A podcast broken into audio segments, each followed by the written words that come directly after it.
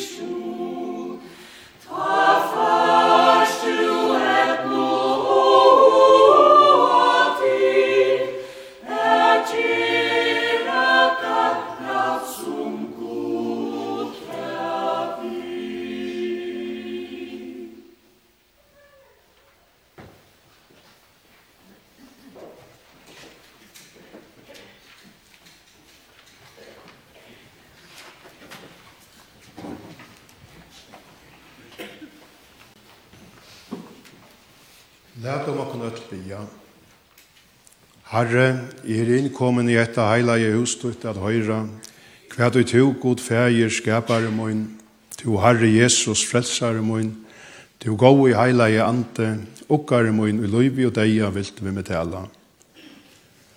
Herre, åpna du nu såleis vi tog noen heilige anta fyrir Jesu Krist skuld hjarta mot, at jeg våre tog kan læra bare enkur om synder moinar, Vi løyvi og deia trykva Jesus, og kvendt det og i heila von løyve og levna i albatna. Det er høyre og bøn høyre god for Jesu Krist. Amen.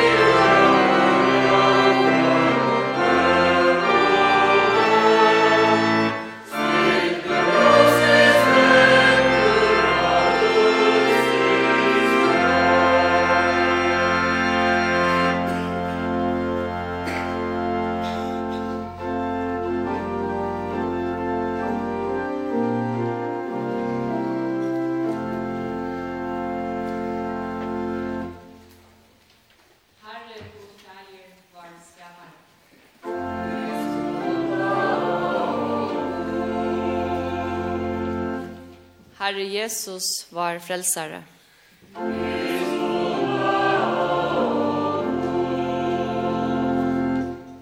Herre, halde ante, vårt ljós og vårt sjøst.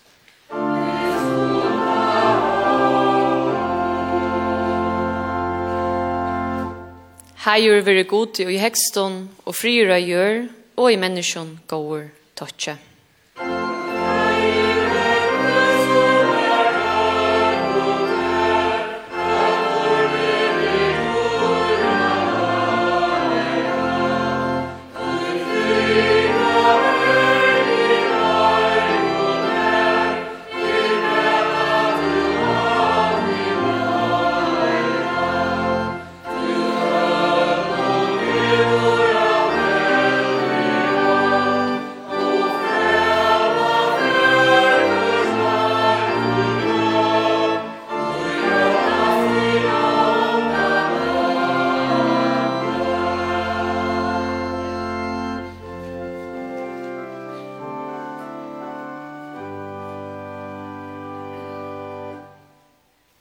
Herren vere vitikon.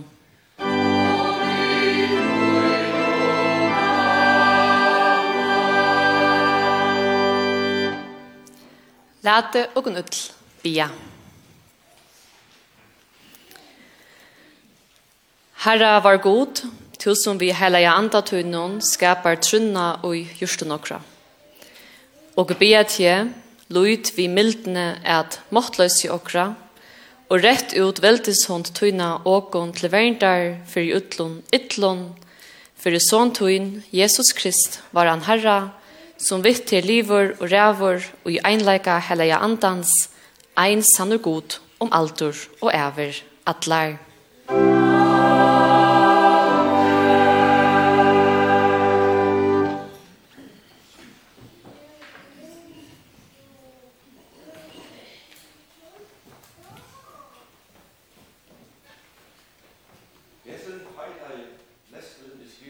fyrstu Mosebok. Etter hesar, hesar tilborer kom år herrans til Abrahams og sjån så lovande. Abraham øttast ikkje, jeg er skjøldur tøyn, løn tøyn skal være over mykjel. Men Abraham sværa i, herren drotten, hva skal du gjeva mer ta i korsten om å færa baden leisur bursdur, og Eliesar, maver ur Damaskus, for at arva med. Og Abraham sier, «Så i sån hever du ångan givet mer, tog for huskaller mun at arva meg. Ta kom år herrans til hans herra såljåande. Ikke skal hesen arva til, men, at, men han som ter, av ter vil giten, han skal arva til. Så gjerne leite han han ut av vuja veng om malte. Løyt opp mot i himmene og vita, om to fast talt stjøtnerne her.» Og han sier, så fjellmengt skal avkom tutt vera. Ta tro i Abraham herranon, og han rokna i hånden til til rettlettes. Så gjør dagsens lester.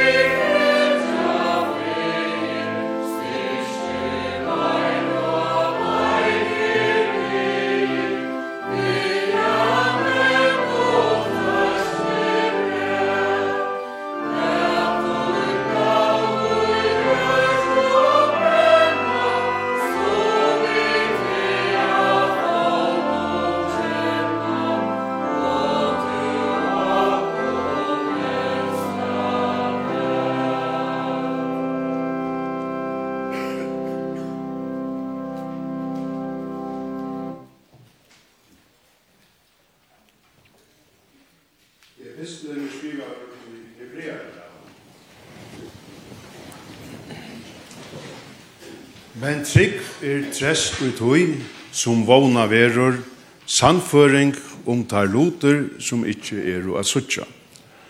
Tui at fyrir hana finko hinner gamle og gåan vittnesbor. Vi trygg fæta vid at heimeren er kipa vår vi Guds åre, så at her som sast ikkje er våre til at hui som er til skjøntar. Vi trygg bær Abel fram fyrir god betri offer enn kajen, og vi henne fekk han tann vittnesbor at han var rattvisur vid det, at god bær vittnesbor i begavon hans herra, og vi henne talar han enn, to at han er deir. Vi trygg var en nok tidsin bostor, at han ikkje skulle få deian a suttja, Og han var ikkje langer a finna av tog at god hei tidsi han bostur. Tog at åren han var tidsi bostur hei han finnsit han vittnesbor at han hei toknast gode. Men åttan trygg er det omøveligt at toknast vånon tog at han som kommer fram fyrir god eier at tryggva at han er til og at han lønar teimen som leita til hansara. Så lovar dagsens epistel.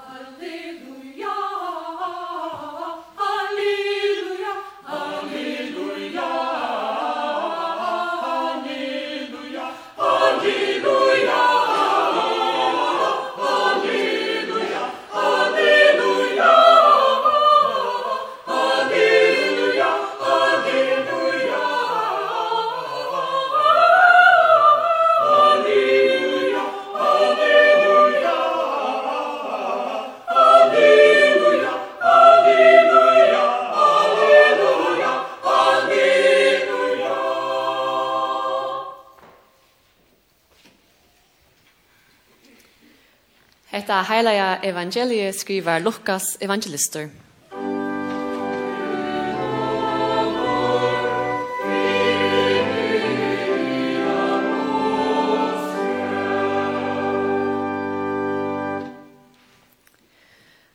Og apostlaner sutte vi herran. Djevokon meire trygg. Men herron sier, om du grøyde trygg som er sinnopskåten, Ta kunde det sagt vi hetta Morberga treje, sluit ju upp vi råd og sett je nyr i heve, og ta heie verdigon loje. Men hver tykra som hever en huskall og i pløyer etla ryktar seg, man sier vi han ta han kymr heim av marskene. Kom hier alt for og sett je til bors. Mannan ikkje heldur sier vi han, Gjer ta til som jeg skal heva til nottra, og gyr tje, og borra i firmer, um igjen jeg fei mer at eta og drekka, og sujan kans to eta og drekka. Man han veit at huskatlen noen tukk fyrre, at han gjorde til som honom var lagt av. Som å leies eisne tigur, ta jeg digre var gjørst alt her som tigur er lagt av, sier ta, Okur ere ånytur tænarar, okur hava eina gjørst her som var skylda okra a gjera. Så jeg har hetta heilaja evangeliet, og herran sverer om atlar evor, lad jokon jotta okra kristne trygg. Jeg er nok til djevelen atla gjerninger hans og atlan etbor hans. Jeg trygg vi akkurat fær hin alvalda skapara himens og gjerrar og av Jesus Krist, Guds einbarn son, var han herra, som er gyten av heila og anda, boren i heim av Marie Moi, punsla under Pontius Pilatus, krossfester, deir og gjerravur, nyur færen til helgar, tria deinstein opp fra deion, færen til himmels, sidande vi hukre hånd, Guds fæger syns alvalda, hian hian kjemra døma, livante og dei og å heilige ananda, eina heilige allheims kyrkje, samfunnet tæra heilave, fyrirgjøving sintana, oppreisen likamsins og liv om altor og æver.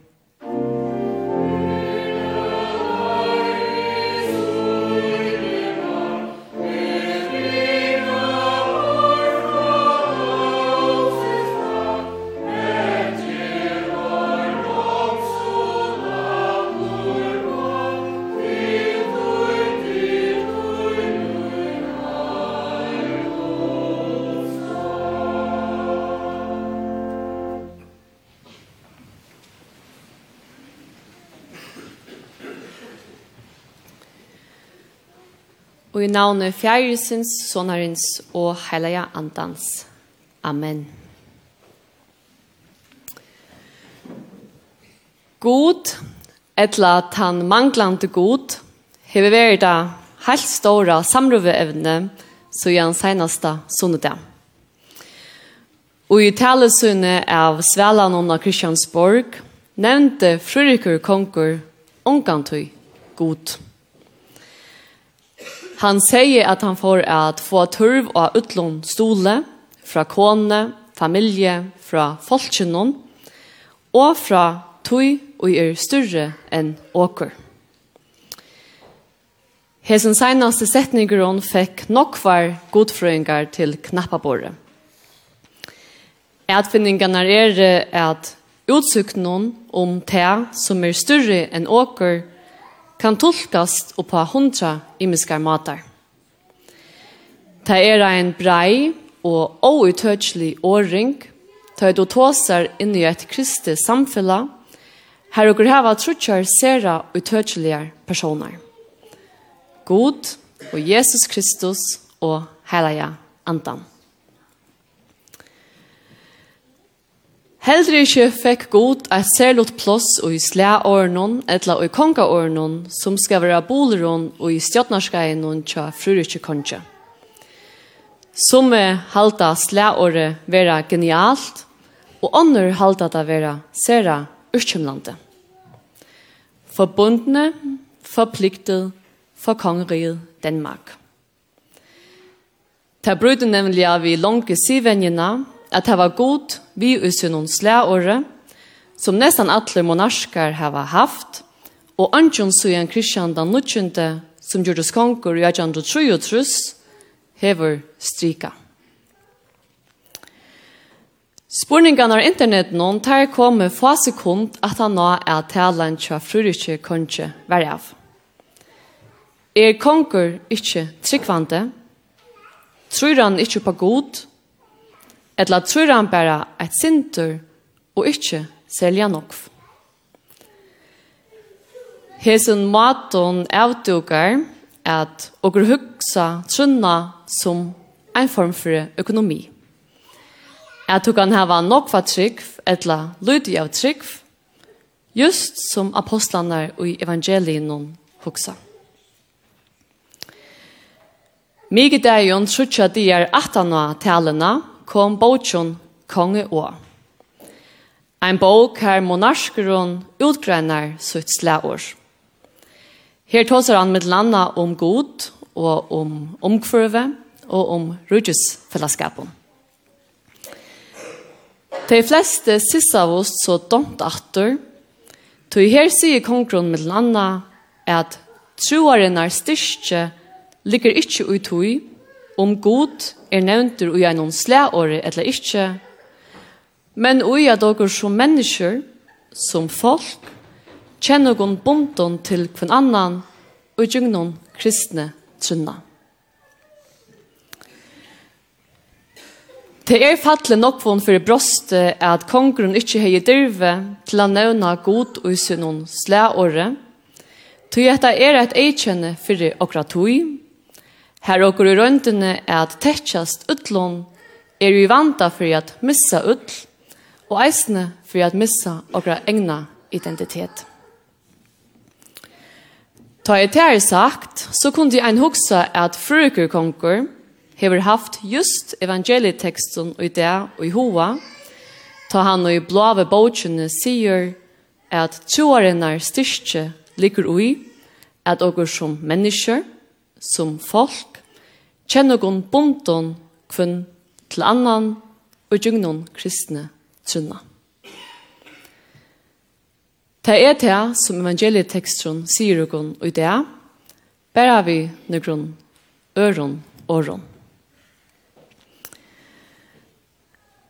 Teksteren i det byrja vi at apostlene spyrja Jesus om han kan djeva dem meira trikv. Sammanhanggron er at beint framan undan har Jesus sagt vittar at om onkur skjefer om deion sintar imot deimon og skjeferer kommer atter og sier at han irast så skuldar fyrtjevån. Altså han har just lært apostlanar at han skulle fyrtjeva uta og endalia. Det er ikke løye at tar huksa ja men gosse kunne gå til. Tar hugsa jo at det er pura og gjørlut at fyrirkjeva, utlån og alt. Tar halda tog at det er skila godt at her bara bia om meire trygg for å kunne mengna hessa store oppgavene. Om trygg for godt, ja men så må tvifalt så nok trygg være tvifalt så godt. Hette er et slag av troarenar kapitalisme. Tar bia om meire trygg, men tar få mest som ein framanå. Jesus noktar, og han skifter evne. Jesus er stater mitt i en her oppgjør, her han kjør opp vi ein bokhaldare moral, her trygg og gjerningar skulle matast og viast. Trygg er ikke noe som dere bare skulle heve. Trygg er i større mån noe som dere skulle være. Og i stedet for jeg seg om at heve trygg, for Jesus at seg om tøtningen av at være trygg for. Tekster og det legger opp til at dere har en samrøve om trunna, Og til nok som bender av at dere har turv av at heve seg samrøvene. Fæta noen om at dere er oppdelt, at som vi har ivelotan og har sterska og nokva trygg, og med en ånder har veika etla onga trygg, er bæge grundfest og i okra søve, og i okra tilviske, og eisne og i okra kristne kyrkjon og samkommon. Teksteren er en liten oppsanker til åkon som omtaler trunna av hentan hatt, og til tei og i halda seg heva meira trygg enn ånder. Trygg snur ikke om at heva ein håp av vitan om torgrette ein eindar lærerna, etla om at doa et hev av skriftstøvun utan at. Trygg snur seg heller ikke om at Trygg snur seg ikke om at dere skulle ganga i møte eller i kyrkje kvann sånne dag. Til sjåan det er en pastor av henne, men ikke av henne som kan standa ensamalt, jeg hava vi trunna a gjera. Jesus sier vi i i det at han skulle bruka tog og på stora om gos og nokva tryggftar heva, og i stedion vera tryggfor tænarar fyrir sunne medmennesker. Jesus sier i stotta teksten hon, at trygg er å fara ut og gjøre sitt arbeid, og arbeidet er at tjene nesten noen.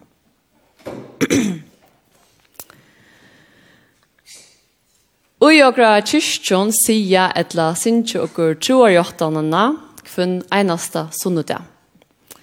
Og vi byrja ved kommenta undervisningene i vikene, kommande kommandaner sida rundt i kyrkjen i det.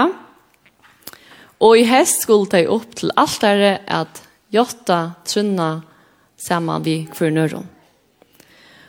Og man tog i alla setningarna i troar jottanene og sette x-vittar at hatta trygg vi på og hatta trygg vi eisen er på så kunne de hette at to ikkje steg ensamalt og jotlenføren ikkje om åker spyrja Jesus. Troar jottanon er år vi er avmarskingon som år heva. Og vi kunne ikke teka troar jottanene fram og så kunnkjøre at heter okra trygg og te er te. Hon er ikke livande trygg, hon er einans troar setningar. Og vi kunne samanbæra det vi tone like. Man kan ikke tega eit blæ vi noten og sia at hetta er tone tonelaker. Notar er ikke tonelaker, men hjelpetål for han som spiller tonelaker. Tonelakeren er nok meira enn det som kan suttjast undergrunn tegnen og einon papure. Nådaner virka som stovol til minne. Det er ikke så leis at handan er godt tonlagastikke, litja gode notar, ty det er omvendt at at han fyrir gode notar ligger eit godt stikje. Ta og ein klaverleikare setis seg vi klaveret, så høyre dere at her er så og endelig nok meira enn ein rutt endurkjøving av nøkron noton og en papyrer. Her er loiv som ikkje kan endurgjøvast av annan hatt enn ui livande og spelton tonleitje. Menneskene gjøva nådenon enn av sval. Av samme hatt er i okra år om trunna, okra troar setningar, er i en rønt a gjøva år og loiv til ein større verileika som er verileitje hjertans.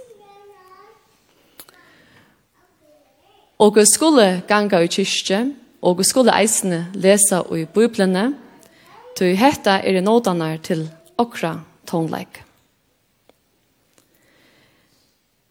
Til hever neivan vere stortlott fyrir kontsjon, men av ein hatt positivt at fylltja vi i kjerkjen og hessa seinaste vikina, at suttja at gjennom samfella som man helt var sera siglarisera, heva folk verliga veri opptidkjon av trunne etla manglande trunne tja kongenom. Hetta viser at evne hever ein tøtning fyrir jokon, og det hever lærst jokon at dere skulle ansa sera vel etter, ikkje at skura kvun annan som verande sera tryggvande, er sinte tryggvande, etla vantryggvande. Kvurskje okra kong, etla negan annan. Det er ikke okra oppgava, til okra oppgava er at tæna. Styrkjen og er just hon at okkur som mennesker kjenner okkur bonden til hver annan. Det er det som Jesus sier til i evangelien og i det. Han innskjer at tryggvån og i minimum er nækka som okkur eia, etla oknar halta, og at hon i større mån er til stier og i sambanden i midten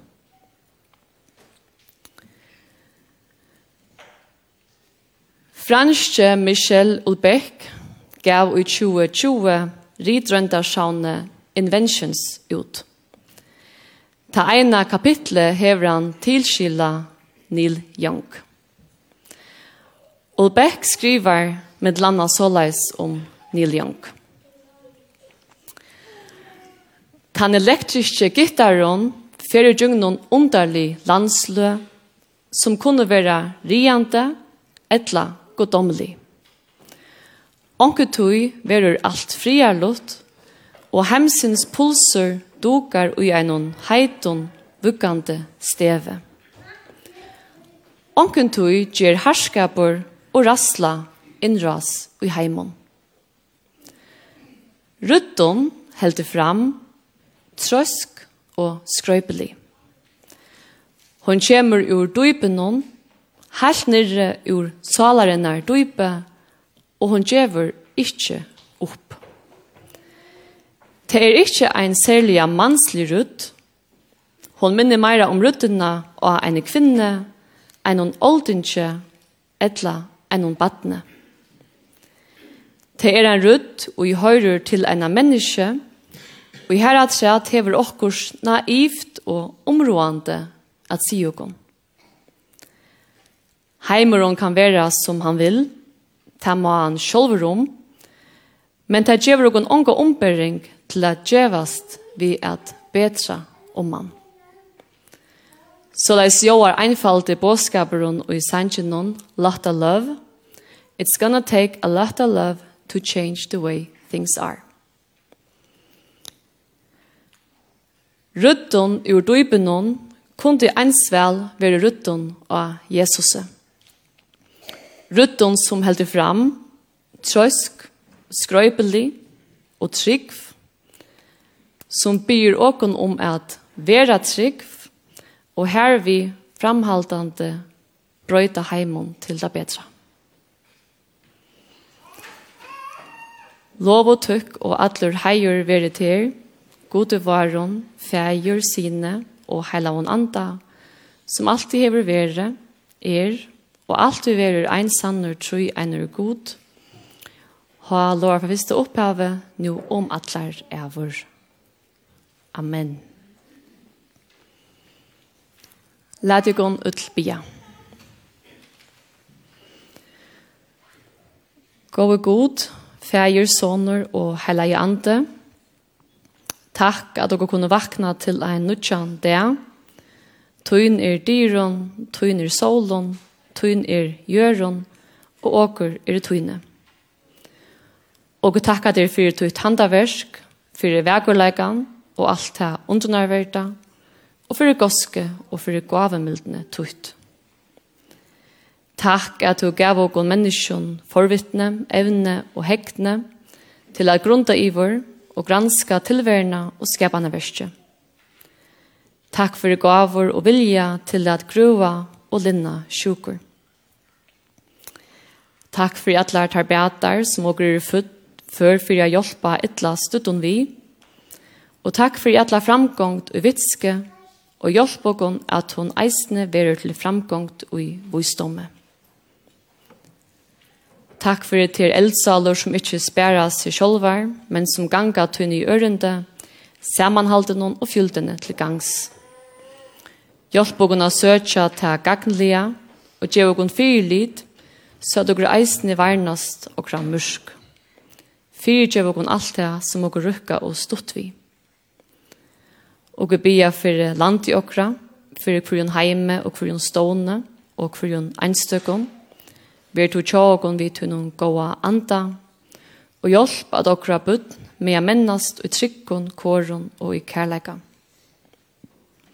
Ver tja landsmånen okra av sjånen, loftrommet og ute og i heime. Og vi bia for utlånsma av alt og avvarskan, Lat hun anda veleia teg til teg som er rett og godt.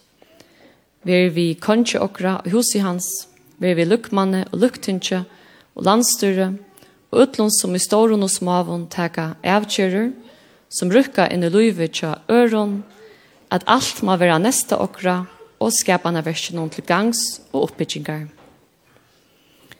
Vi er tja teimon som stora og strujast vi tunga spurningar, teimon som er sjuk og lika med oss all, og teimon som syrtja ein som de elskar. Læt tunni eie kvila her okra færa fram vi, Stekkugon teikur skundugon og nokv, stiugon teikur snava, reisugon teikur i fatlun, og køyr undrugon teikur ere oppkjevande. Hjelpugon a lusta vi hjertanon, at lusta etter rødt notturnar som fjaller eina mongt av dyrkripon. Vi er vi kyrkjetun i her tjåkon om atlan heimon, og lat henne at dyr vera vi åpnar fyrir kærleika og samanhalte i mittlun utlbutt tøyne. Hjelp så at du sutja til heileia og i tøy gjerandeslia. Lois fyr taimon som nitja til da susta, og styrk deg som sida tja taimon, og gjør taimon som er færuna kvila ut noen frie, og lat tøyt evige jås lysa fyr taimon varveit og ull, så at dere anna kvørst liva etla dødja, høyra til til. Ta bi og utl i Jesu navne. Amen. Jeg vil takka Kårenon og Bente Ingeborg Greve, som er vi ugon i det. Og vi hørte Kåre Sintja Introitus, opprunalige norska solmon og Amotni Orla, og som Andreas Christian Evensen tutte. Og for at jeg hører deg om et bil, ta sinja deg Solmon Tålon Boja etter Brorsson, som Janus Djurus tutte. Kåre er und Leslie av Leif Hansen. Som postludium spela og sinja Leif Hansen og Bente Ingeborg Greve, bist du bei mir av Johan Sebastian Bach. Lædigon vi apostlenon innsja kvarøron. Herrens Jesu Krist nøye og kærleik Guds, samfella heilige andans, vere vi og gon utlån.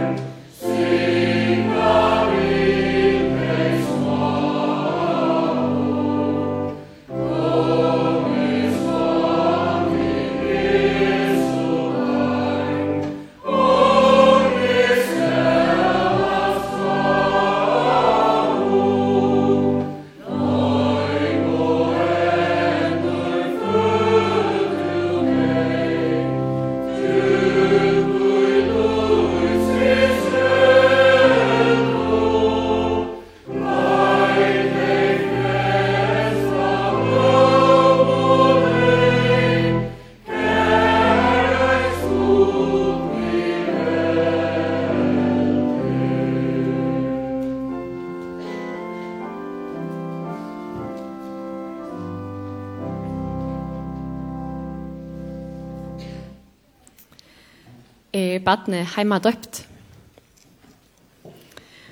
Lova vår vare god og fægir, var Herre Jesu Krist, som etter mikle miskunn søgne, hever endfødt åkon til livande vånar fyrir oppreisen Jesu Krist fra deion. Læt jo kun utl bia.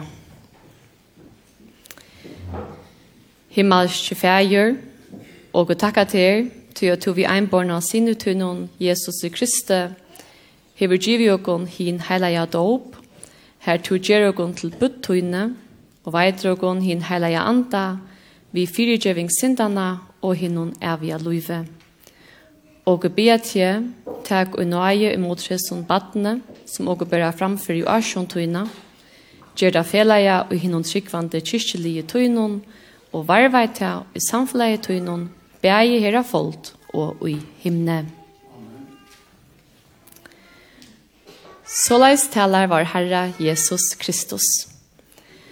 Mer finnje alt valde og himle og ajør.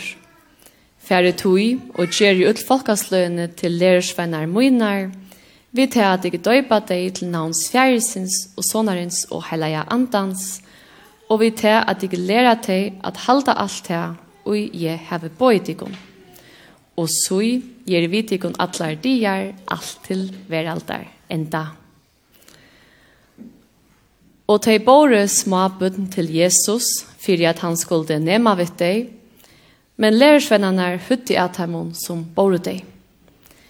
Ta Jesus sa hetta, var han vreier og sier vittar. Læte småbøttene komme til moin. Fåret heimon ta ikkje, tog at Guds rujtje høyrer slukon til. Sannelig jeg sier dig om, han som ikkje teker vi Guds rujtje ens og løyte bad, Han skal alls ikkje koma i nøyta. Og han tog deg i faun, og leie hendene av deg, og valsigna i deg. Så vil jeg gudda hjelpe her som badne er at signing kan herra, via er døybada i navnet færesens og sonarens og heilaja andans.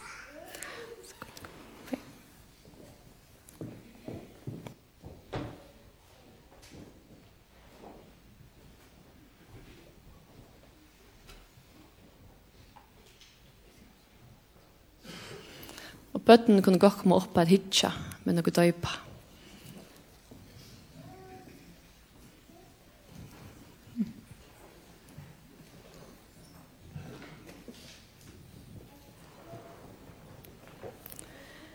Takk vi noen heilige krossmørkje fri anlyttutt og brostutt til vittnesbora rom, at du skal tilhøre henne krossfesta og opprystna Herra, Jesus Kristi.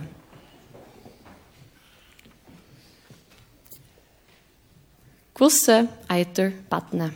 Finn Rowan Danberg. Finn Rowan Danberg. Jeg har nok at du djevlon er hans og atlan er bor hans.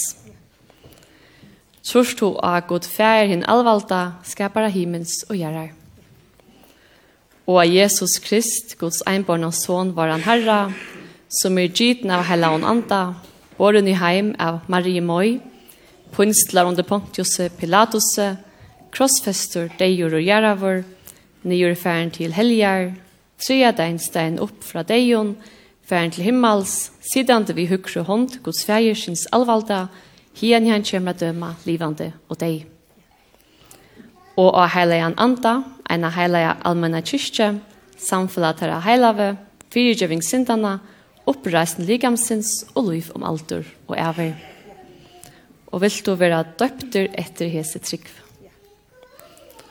Så går jeg. Ja. Finn Rowan Danberg. Jeg døper det til navns Færesins og Sonarins og Heilige Andans. Langt hår. Langt hår.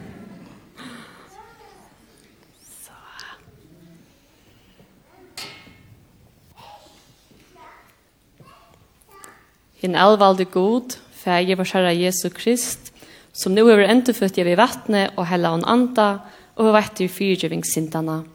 Han styrkje til vi nøyesunne til hitt er vi av løyve. Han var vært i ugangtøyen og inngangtøyen hien ifra om atler er vår. Og lær deg om sammen bia feivar for finn. Feivar, som mørst av himmelen, Heilagt veri navn tøyt, kommer rujtje tøyt, veri vilje tøyn som i himle så øyur. Djev okon i det okra daglige brei, og fyrir djev okon sinter okra, så som okra eisne fyrir djeva taimon imoti okon sinta. Og leie okon ikkje frestingar, men og okon fra tu ytla, tu ja tøyte rujtje, balti og heiron, om atlar vår. Amen. frier, det vitter.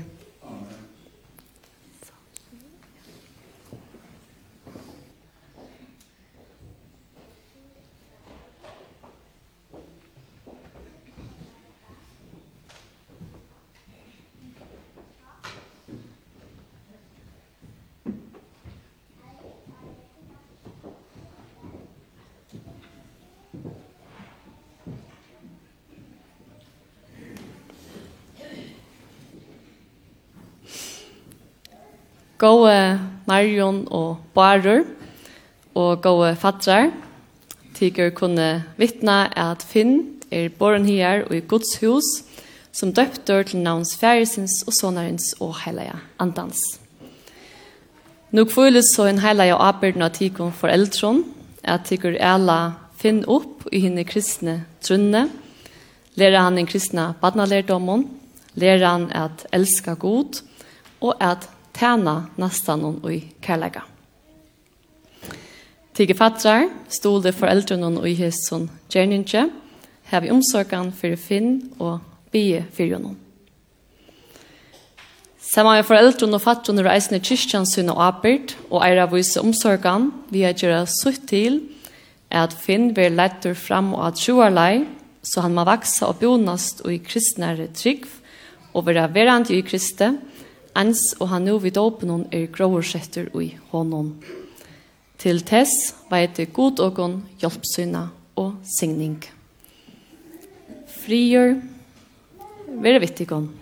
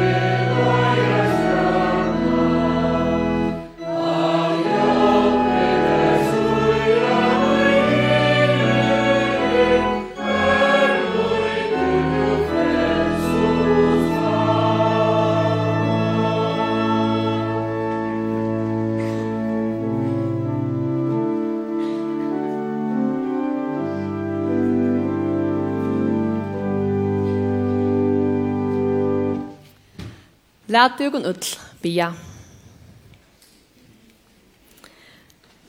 Herra var god himmelske fægjur, og jeg takka til til at du vil lete dere koma til hin nøye fotla dåp, her du vet dere fyrgjøving heila ja andan, og hitt evige luive, fyrir sonar tunns Jesu Krist skuld. Og jeg bia til, varveit og utrunne, så at dere alt ivast om hessa gavetøyne.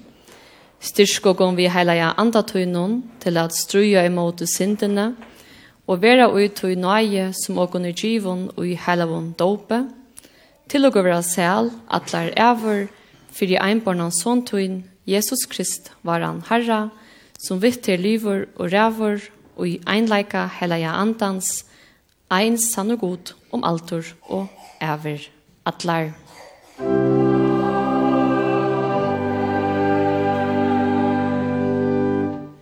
etter vi signing herrens. Herren val signe tje og varveite tje. Herren la de anledes lyse iver tje og ver til nøyver. Herren lytte opp asjonsunna iver tje og djeveter. Fri. Fri.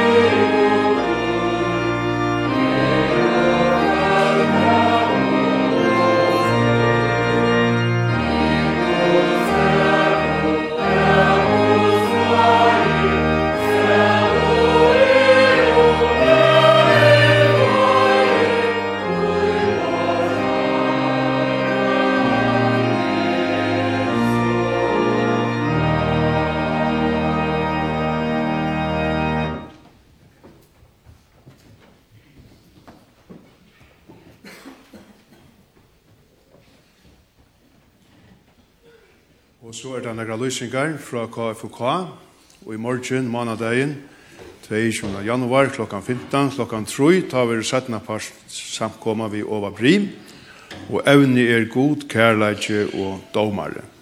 Harmoniker vinner, Lothaga. Og høstdagen, 25. januar, klokkan 15, klokkan 3, tar vi bindetreff, og her er i ødel velkommen.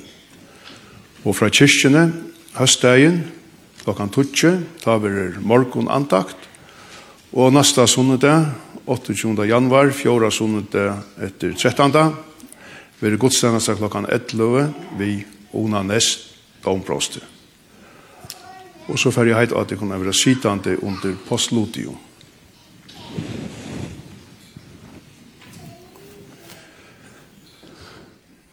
Lært om akkurat öll bia. Herre, jeg takkje til av øtlun hjarta munnen fire, at du har lært meg hva du vilt at jeg skal trykva og gjøre. Hjelp meg nå god munn, vi heila i anda tøynun fyrir Jesu Krist skuld, at jeg må varvaita år tutt og i regnun hjarta. Av tøy styrstjast og i trunne, og i heila mun levna i batna, og med vi til og i loivi og deie uka. Fægir var, tu som av himnon, heilat vire navn tutt, Kom i rujtje tutt, vere vilje tuin som i himne så a gjør. Gjev okkon i det okkara daglige brei, og fyrir gjev okkon synder okkara så som vi eisne fyrir gjev av taimon og imod okkon synda. Og lei okkon ikkje i frestningar, men frels okkon fra tui ytla, tui a tutt i rujtje, valde og heieren om atlar ever. Amen.